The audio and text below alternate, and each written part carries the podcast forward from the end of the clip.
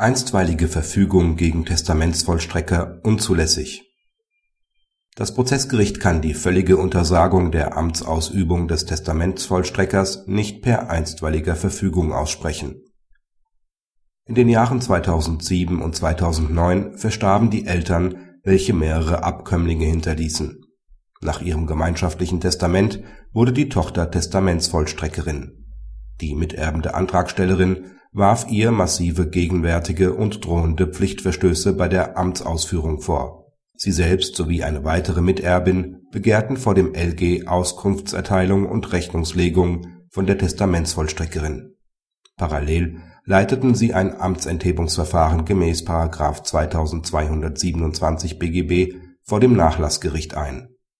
Dort wurde auch der Erlass einer einstweiligen Anordnung wonach der Testamentsvollstreckerin sämtliche nicht notwendigen Amtshandlungen untersagt werden sollten, beantragt.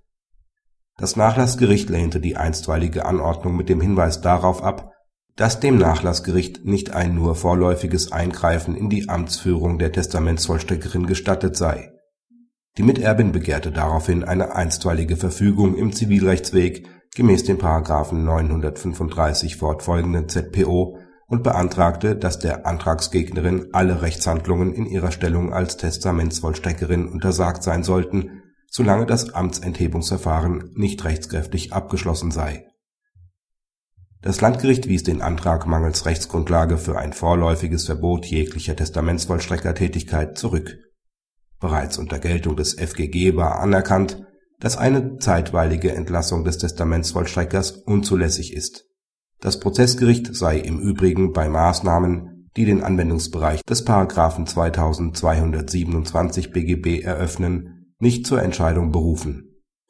In der sofortigen Beschwerde rügte die Antragstellerin, dass sie nicht eine zeitweilige Entlassung der Testamentsvollstreckerin beantragt hätte, sondern lediglich die Untersagung deren Amtsausübung im Wege einstweiligen Rechtsschutzes. Bei drohendem Amtsmissbrauch sei auch in der Rechtsprechung anerkannt dass das Prozessgericht gemäß § 935 fortfolgende ZPO einstweiligen Rechtsschutz zusprechen könne. Das OLG Schleswig versagt der sofortigen Beschwerde den Erfolg.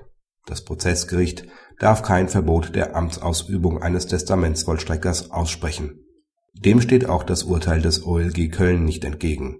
Dort wurde ausgeurteilt, dass gegen einen drohenden Amtsmissbrauch des Testamentsvollstreckers auch mittels einstweiliger Verfügung vorgegangen werden kann. Das OLG Schleswig rückt diesen Anspruch des OLG Köln in den Zusammenhang des Rechtsanspruchs eines Erben auf ordnungsgemäßes Verwaltungshandeln gegen den Testamentsvollstrecker. Isoliert kann dieser Satz des OLG Köln nicht betrachtet werden.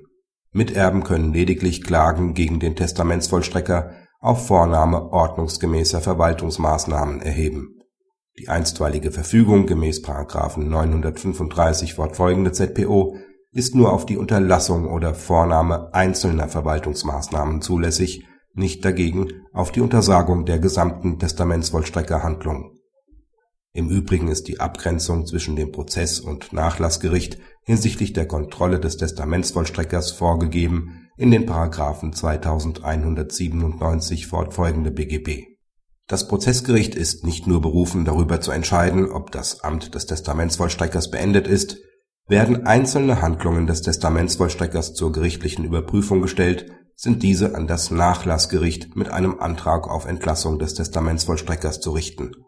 Anderenfalls würde das Prozessgericht in einer gesetzlich nicht vorgesehenen Art und Weise die Testamentsvollstreckertätigkeit überwachen. Praxishinweis der Entscheidung ist vollumfänglich zuzustimmen. Ist ein Miterbe mit einer Handlung des Testamentsvollstreckers nicht einverstanden, hat er folgende Möglichkeiten: Entweder wird vor dem Prozessgericht die einzelne Verwaltungsmaßnahme zur gerichtlichen Überprüfung gestellt, wozu auch der einstweilige Rechtsschutz gemäß den § 935 fortfolgende ZPO möglich ist. Alternativ kann ein Entlassungsverfahren vor dem Nachlassgericht eingeleitet werden Hierzu sind jedoch hohe Hürden zu überspringen. Darüber hinaus steht den Erben auch der Schadensersatzprozess als persönlicher Prozess gegen den Testamentsvollstrecker zu. Keinesfalls kann die Untersagung der gesamten Testamentsvollstreckertätigkeit gefordert werden